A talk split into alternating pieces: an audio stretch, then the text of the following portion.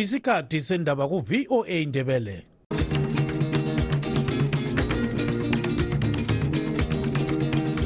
amatshono zihlobo siyalamukela kuhlelo lwethu lwezindaba eziphathelane lezimbabwe kustudio 7 eya voice of america sisakaza sisewashington dc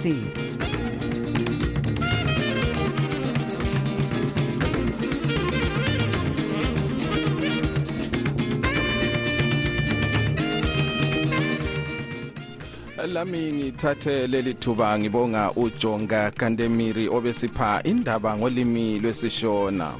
Lingalivuka njani lingalitshona njani izulu kandaba olamukela ngenjabulo emsakazweni westudio 7 ngolwesithathu mhla ka-28 kunhlolanja 2024 nguchris gande.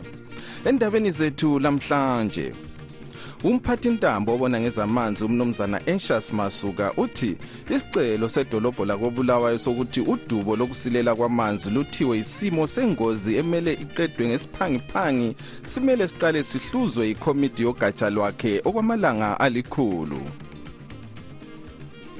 An explanation perhaps ku-council on the statement that is always issued to abantu. Kuyoba leli perhaps i-billing esokufaka ifida lapha people do not understand what is that ugatsha olugcina isikhwama semali yokulungisa imigwaqo olwezinara luthi lwenza konke kusemandleni alo ukulungisisa imigwaqo kodwa limizamo iyasilela ngoba amakhansili kawenzi umsebenzi wawo ngemfanelo. Zinara isiyehlulekile i-function kumbe i-raw ebebenikiwe bona beqalwa abazali bamukela ngenjabulo ukumiswa kohlelo lwemfundo olwe-continuous assessment learning activities kumbe ikhala zonke lezi ndaba lezinye lizozizwa khonapha emsakazweni westudio 7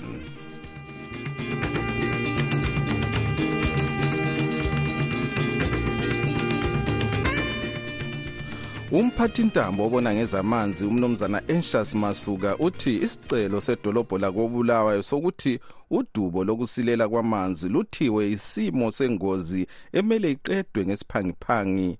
Simele siqale sihluzwe ikomiti yogatsha lwakhe okwamalanga alikhulu. Okuningi asikuzweni ku-anastasia ndlovu ekobulawayo.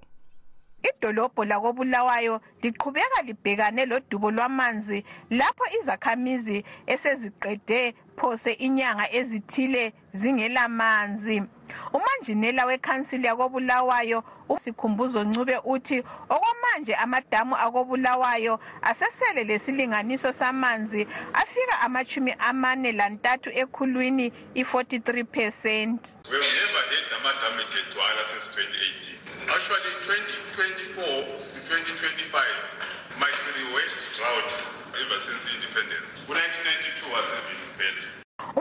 umphathintambo wedolobho lakobulawayo unkosikazi judith ncube uthi osekungezelele udubo lwamanzi yikwebiwa kwempompi enyamandlovu osokwehlise inani lamanzi abuya kobulawayo. Amanzi akhona but there is a lot of vandalism hence kungangeni amanzi elokhuzeni magwegwe lizevo isakhamuzi sakobulawayo esihlala ecoutry park unkosikazi patricia mpofu uthi sebelesikhathi eside bengelamanzi njalo lempompi ezithwala amanzi engcekeza sezidubukile. Umgcinisihlalo webulawayo residents association umnumzana winos dube usecele ukuba uhulumende angenele atholise idolobho amanzi. As for an explanation perhaps ku-council on the statement that is always issued to abantu. Kuyoba leli perhaps i-billing esokufaka ifida lapha.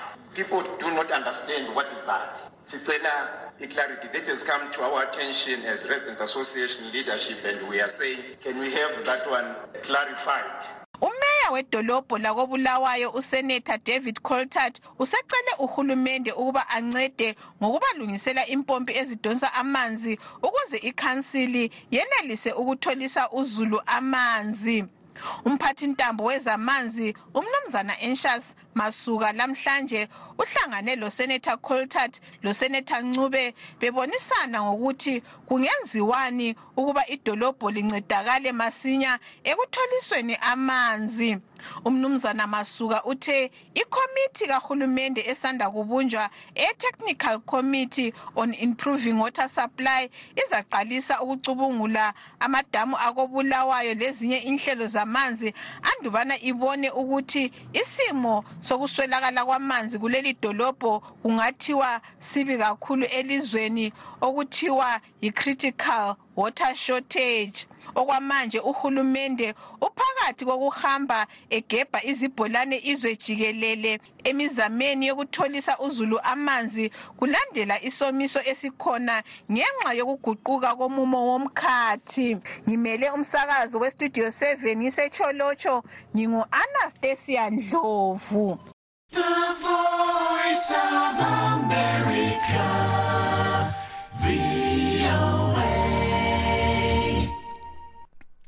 ugatsha olugcina isikhwama semali yokulungisa imigwaqo olwezimbabwe national road administration kumbe izinara luthi lwenza konke okusemandleni alo ukulungisisa imigwaqo kodwa limizamo iyasilela ngoba amakhansili kawenzi umsebenzi ngemfanelo. Intatheli izindaba istudio 7 umlondolozi ndlovu usethulela lolu daba eseharare ekhuluma lentatheli izindaba namuhla umholi wezinara umnumzana nkosilathi ncube uthe ugatsha lwakhe lupha omasipala imali kodwa amakhansili yiwo ayehluleka ukulungisa imigwaqo. Uthi phakathi kwemali yakuleli engange-868 billion etholwe izinara ngomnyaka odluleyo phose isilinganiso samachumi ayisitshiyagalolunye ekhulwini 88 percent yaphiwa amaqembu alungisa imigwaqo kanye lamakhansila atshiyeneyo elizweni lonke jikelele. Imali bezingacacanga ukuthi ziyaphi kodwa kwamanje uzothola ukuthi sesikucacisile konke lokho. Uqhubeke sithi izinara isebenzisa imali yayo okusemthethweni ngoba imali yonke abayitholayo iya kumakhansili emadolobheni lasemaphandleni. Ebuzwa zintatheli izindaba ngokukhwela kwemithelo yentuba zama-tollgates emigwaqweni emikhulu uncube uthe lanxa abantu bekhonona lokhu kuzanceda izinara ukuba ithole imali yokulungisa imigwaqo. Kodwa umsekeli kasodolobho wakobulawayo umnumzana edwin dlovu uthi kavumelani lokukhulunywe yizinara esithi udubo olukhona elizweni kuba imali bayiphiwa ilidola lezimbabwe lona eligugudeka isisindo mihla ngemihla. Esikhathini esiningi o-service provider bachiya umsebenzi ngoba izinara siphuze ukubhadala imali kumbe sibabhadala ngebhondi izimdola eyabe incane ingathengi akusiqiniso ukuthi ikhanseli kayisebenzisi ngendlela imali evela kwezinara inhlanganiso ezilwela amalungelo kazulu zithi kumele amakhansili aphiwe imali yokulungisa imigwaqo isuka ebantwini. Hatshi ukuba lokhu kwenziwe izinara okhokhela inhlanganiso ye-harare residence trust umnumzana marvelous khumalo uthi kumele uhulumende anikeze amakhansili amandla okulungisa imigwaqo. Izinara isiyehlulekile i-function kumbe i-raw ebebenikiwe bona beqalwa. Emhlanganweni wanamuhla izinara yazise ukuba izama ukulwisana lenkohlakalo isebenza lezimbabwe anti-corruption commission ukuze yonke imali abayitholayo emigwaqweni iye ekulungisweni kwemigwaqo. Izinara yazise ukuthi kulezimota ezedlula isigidi 1.2 million ezimbabwe kodwa ezibhadala imithelo zingu-800 kuphela. Ngenyanga lolu gatsha luthi luthola imali engange-3 million us dollars ebhadalwa ngabatshayeli bezimota njengemthelo kodwa luthi isilinganiso esikhulu salimali sibhadalwa ngedola lakuleli. Izinara income kakhulu amakhansili athi eyekariba eyenoton eyechipinge leyezibagwe ngokusebenzisa imali ewapha yona ukulungisa umgwaqo ngemfanelo. Ngimele istudio 7 ngiseharare ngimlondolozi ndlovu.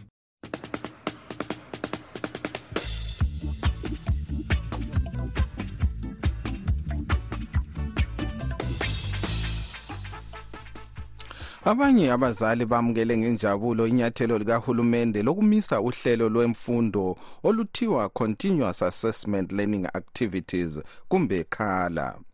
Izikolo sezizaqala ukusebenzisa izifundo ezintsha eziqakathekisa ubuntu eze-heritage based education curriculum ukuhlaziya lolu daba utabo kancube westudio 7 uxoxe lomzali njalo ekunhlanganiso yebulawayo progressive residents association umnumzana joseph nkomazana ikhala ibilendleko eziningi kakhulu ubuthola abazali ubuthola abantwana gijima bengasaphumuli begijima besiya lapha besiya fotocopa besiya emashophu besiya edorobheni bekhipha izimali. Singazi lapha njengoba sokurejusta amalokuzeni uhlelo sebalifakile solurejuste ama-subjects akhona enxebhose kungaba nganeno lapha nxa sikhuluma ngezendleko. Um sithemba kuzasebenza njengabazali belikukhangelele na lokhu njalo eh kube lokuxoxisana okugcweleyo na ngodaba lolo. Yikho phela abazali bebekhala ukuthi izinto lezi nxa uhulumende kumbeni i-ministry of education isenza izinto lezi kumele iqale ikhulume labazali bengakazifaki bengakakhulumi ngazo bengazi-implimenti eh kungabi luhlelo olufakwayo eh kungabi lama-consultation so khonoko abakwenzayo isikhathi esiningi yiko kucina sokulaphana futhi sokuzahlalwa phansi kukhulunywa ukuthi lapha bakwenze njani ngoba kuyabe kungazwisiseki lamatitsha bengakuzwisisi singazi kulolu hlelo ukuthi kambe bahlala phansi bakhuluma esikwaziyo ukuthi kwakha abazali konke nje lezikolo kuhlangene kwayenziwa ama-consultation ukuthi ikhala ifunakali kodwa sikhala ngokuthi i-consultation akusikwezikolo zodwa even kuma-residency lapho kuhlala khona abantu abayibo abalabanikazi abantwana. Kumele kube le-consultation ukwenze ukuthi nxa izinto lezi abantwana bebuya lazo beziphethe zivele izikolo kube yikuthi abantwana bayazazi labazali bayazazi. Udubo lokungakhulumisani lolu libona sengathi luyaphazamisa na impumela yabantwana? Eh yiko okuzenza ukuthi umthelelo wangikhona sisiya kubo O level lapha ama results angikhona kumbena kubo grade 7 ma results kungacaci kuhle ngoba eh izinto zangikhona zenziwa ngasiphangiphangi. Into zesiphangiphangi azingani aziphumi kahle. Last year ama O level results kaphuma kahle ngokubona kwethu ngenxa yonale ekhanda umthelelo wangikhona awumuhle. Ama-grade seven results umthelelo wangikhona amuhle. Akusaye ngoba kuhle. Kumele nxa izinto lezi bezenza bezenze kahle.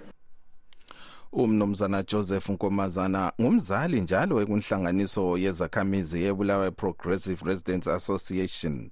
Ubekhuluma ecingweni lestudio 7 ekobulawayo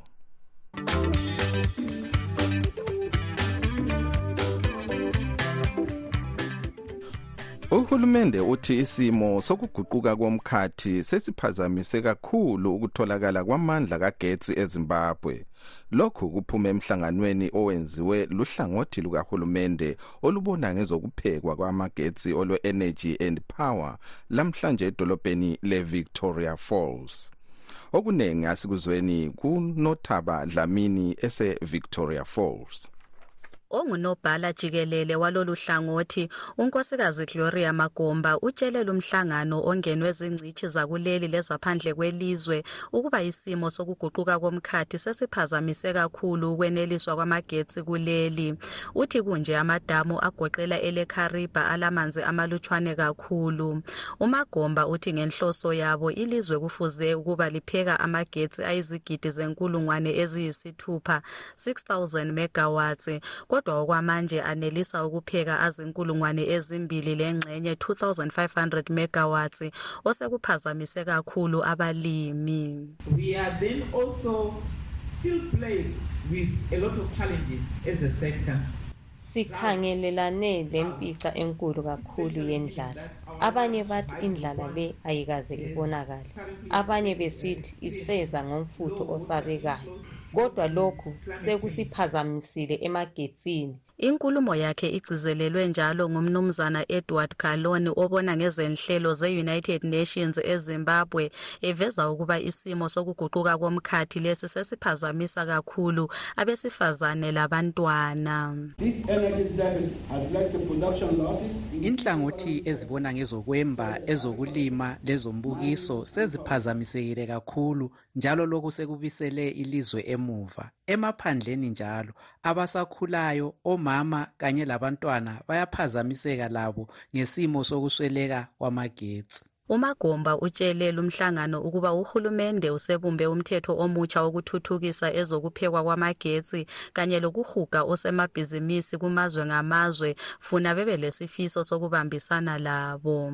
Okwakhathesi elezimbabwe lithola amagetsi amaningi emalahleni enjiwa kwelewange avela edamu lekhariba kanye lehlekana elivela elangeni kodwa umagomba uthi sebesabalalisa njalo ingqondo yabo ukuzama ukubona ukuthi indawo ezilempophoma zamanzi atshisayo ama-hot springs afana lawebhinga wona angazake apheke na amagetsi?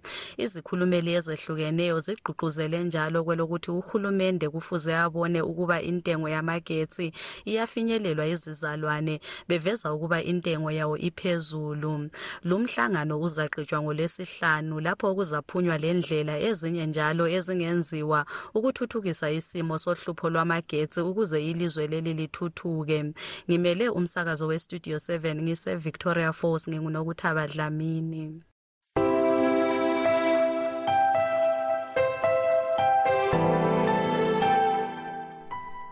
abalwela amalungelo oluntu bathi baphatheke kabi ngodaba lokuthi akulamuntu osebotshiwe phezu kokubulawa kwelunga lebandla le-ccc umnumzana tafuma nei masaya lanxa sokwedlule inyanga ezintathu umasaya wathunjwa ngabantu ababehlome ngemibhobho abacatshangelwa ukuthi ngabacuphi ama-cio kumbe amalunga ebandla lezanu pf nyakenye ngolwezi ngesikhathi kulungiselelwa ukhetho lwama-by-elections watholakala efile eharare ethunjwa wayephakathi kokudingela usekelo ilunga le-ccc elalincintisela elalincintisa lelunga lezanu pf umnumzana scott sakupwanya kukhetho lokudinga umeli wemavuku tafara edalele ephalamende.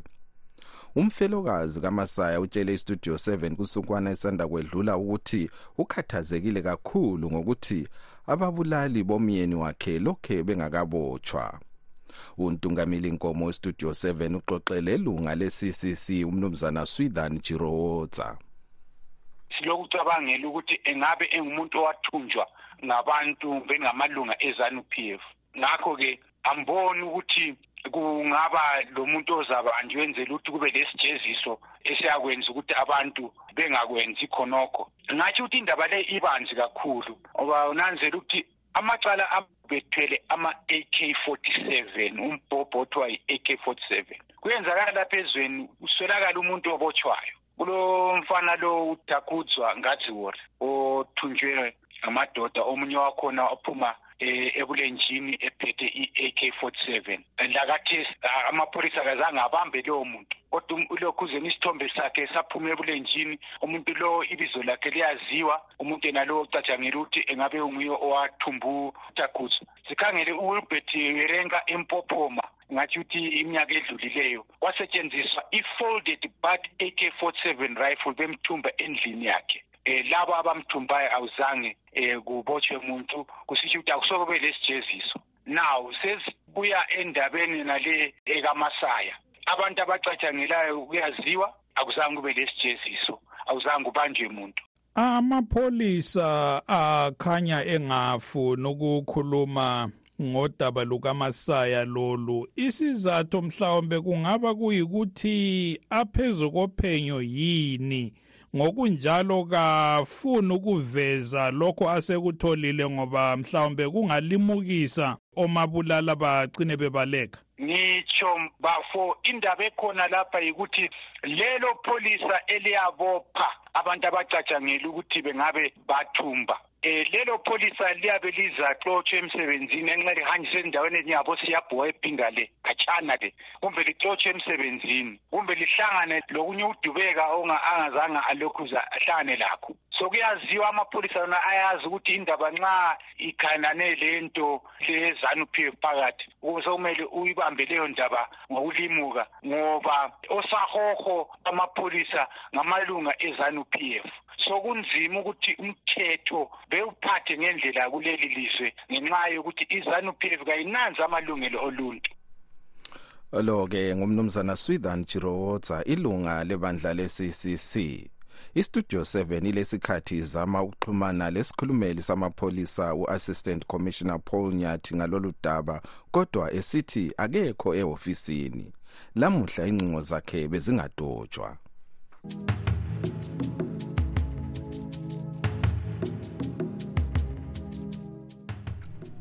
Abakhubazekileyo bathi yibo abahamba phambili kudubo lokuhlukunyezwa lokubandlululwa okukhulu okwedlula abanye abantu abakunhlangothi ezitshiyeneyo zempilo. Ulusi selemani yasini usethulela lolu daba ngugcweleyo eseharare. Ezinye zezinhlupho ababhekana lazo abakhubazekileyo bathi yikungaqakathekiswa imibono yabo ukubandlululwa imigoqo ebenza benganelisi ukufinyelela imfundo usizo lokwelatshwa ukungaqhatshwa emisebenzini lokuchiywa phandle kwezinye inhlelo zokuziphilisa osakhulayo. Utariro gurure okhubazekileyo ohlala kobulawayo ulandisa ngezinye zezinhlupho ababhekana lazo. Into engingathi zikhanyele ikakhulu ukuvama okuyenza ukuthi siswele yikuthi amankampani awafuni ukusiqhatsha nxa ulokugoga njalo usungathi uthengise wena emsikeni kumbe estradeni. Imali yangikhona iyabe ingayenelisi ukuthi ikugcine unkosazana gurure uthi kodwa kungumlando kahulumende ukubanakekela phansi kogatsha lwenhlalakahle kazulu ngezimali zesikhwama ese-social welfare social grant. Asikayiboni imali leyi ibuya ingena iphiwa abantu ukuthi begcinakale bekwanisa ukuthi bebhadale omastanda irenti bekwanisa ukuthi behambise abantwana ezikolo. Singakhanyela ukuthi ngeminyaka leyi emibili emithathu esisuke kiyo besilo umkhuhlane owe-covid izinto zicine zitshintsha lokuya phezulu kwezinga itaxi sikhwelile. Ongathandanga ukuthatshwa amazwi umnumzana brighton musara waseharare ngomunye wabasakhulayo osebenzisa inqola njalo engokhubazekileyo uthi akazalwanga ekhubazekile kodwa wabuya ngemva kokulimala kwakhe engozini yokuwela emthonjeni wamanzi. Yena-ke uthi waphazamiseka ezifundweni ngoba engasanelisanga ukuphutsha uform 4 kunje ubrighton uthi uyehluleka ukuziphilisa esengogcinwa yizihlobo efisa ngabe uyatholiswa laye amathuba azenzele ukuze aphile laye impilo engcono. Useneta anashiri okhubazekileyo omela abanye bakhe edale lephalamende uthi kuqakathekile ukuthi kulandelwe okumunyethwe yisisekelo sombuso welizwe ekulinganisweni kwamathuba lokungabandlululwa kwabo. Abantu bonke balingene. Akula muntu kumele abandlulule omunye umuntu lo mhlobo lolimi kumbe le-disability emhlanganweni wamazwe omhlaba owe-world government summit osanda kuqhutshelwa edubai umongameli emerson mnangagwa utshele abakade bekhona ukuba elezimbabwe lilizwe elizinikele ukunakekela izizalwane zalo zonke kungela ochiywa phandle. Since the advent of the second republic in 2018 the government of zimbabwe has implemented multi-pronged strategies for sustainable development uhulumende wezimbabwe useqhube inhlelo ezimbalwa zentuthuko njalo engekho ochiwa phandle. Selokho uhulumende wesibili wangenayo embusweni ngomnyaka ka-2018 babalelwa kwabaphezu kwesigidi esisodwa abantu abalokukhubazeka okuthile ezimbabwe. Izimbabwe iyingxenye yamazwe aloba isivumelwano sokulondolozwa kwamalungelo abantu abakhubazekileyo ese-un convention on rights of persons with disabilities uncrpd ngimele istudio 7 ngiseharare ngingulusi selemani yasini.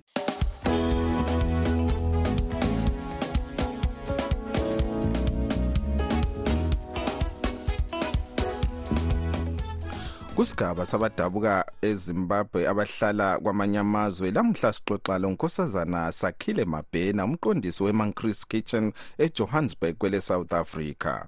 Umabhena uphathisa ngokudla abokuza abangelandawo zokuhlala phakathi kwalokhu akuphekela abathengayo.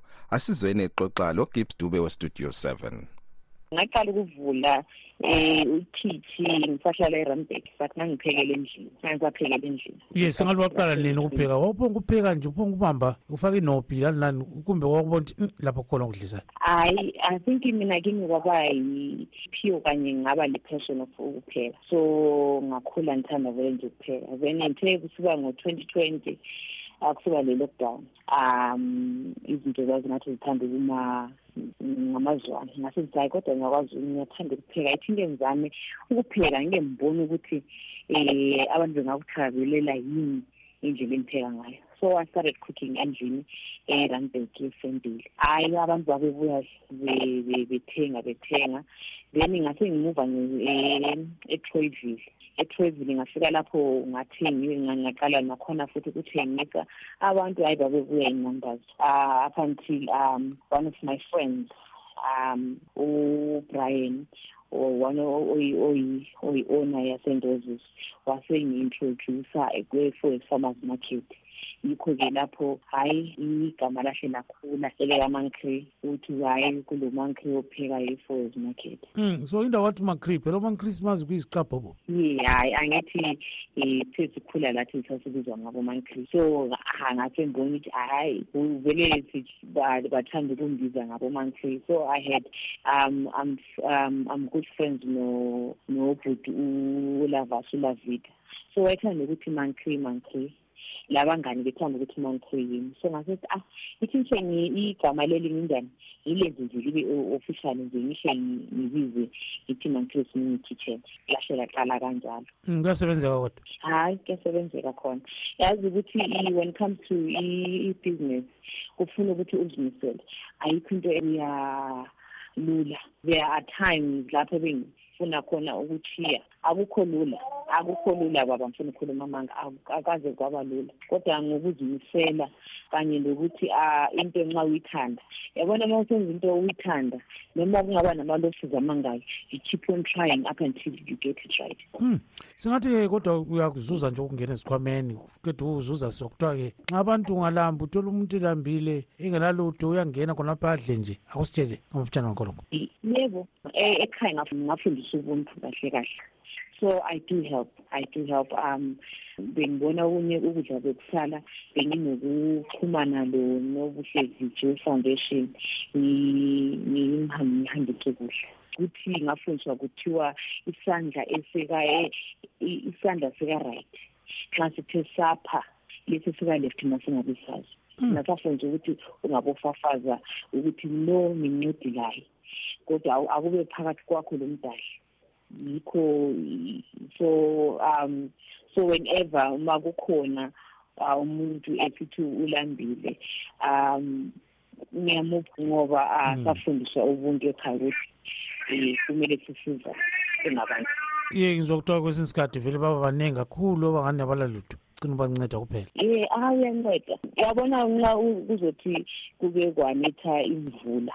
Um ibhizinesi ithule angeke uthathe kudle kuchitha omunye umuntu elambile vele kwenzakala noma kuthiwa isitokhu sakho sesilahlekile kodwa uthi sitomunye makalaleli lo-ke ngunkosikazi sakhile mabhena umqondisi we-mancris kitchen obexoxa le-studio 7 esejohannesburg kwele south africa.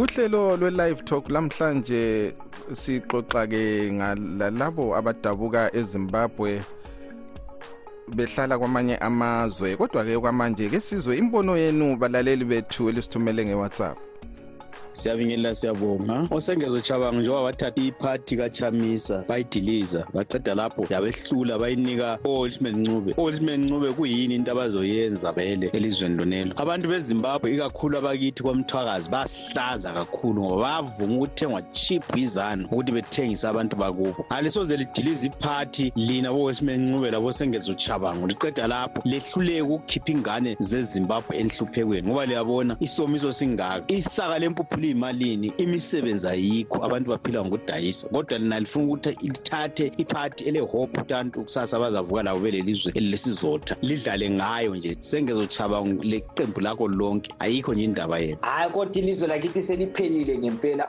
Ukuthi umuntu usebotshiselwa ifesi yakhe ebotshiselwa ubunguye bakhe engelacala engawonanga lutho just ebotshiselwa ubuso bakhe. Hayi but umnankagwa laba noma nomnankagwa kabasebenzisa imali izinto ezilengqondo. Kumanje uthatha imali nguchabango yini manje siyezwa nguchabango ah kodwa ishemu yazi uyabona indlala sometimes. Kati why bengaba umnankagwa enganiki ochabangu laba amapulazi belime? Than ukwenza le nto abayenzayo le utshamisa mayempophi iface yakhe why ingafaki yakhe echekileyo le? Why ingafaki yakhe le efana lekamnankabo leshwabeneyo le? Why bengafaki amafesi wabo? Ngoba bayabona ukuthi amafesi wabo vele kalashayini akula muntu ongayivumi ifesi efana lekachabangu akula muntu ongayivumi ifesi efana lekamnankabo why bengasebenzisa wawo amafesi ashwabeneyo ayibhadele ihlazo leli lezakale elizweni lakhe isikhathi du hayi gama nguchris gande asidibaneni njalo kusasa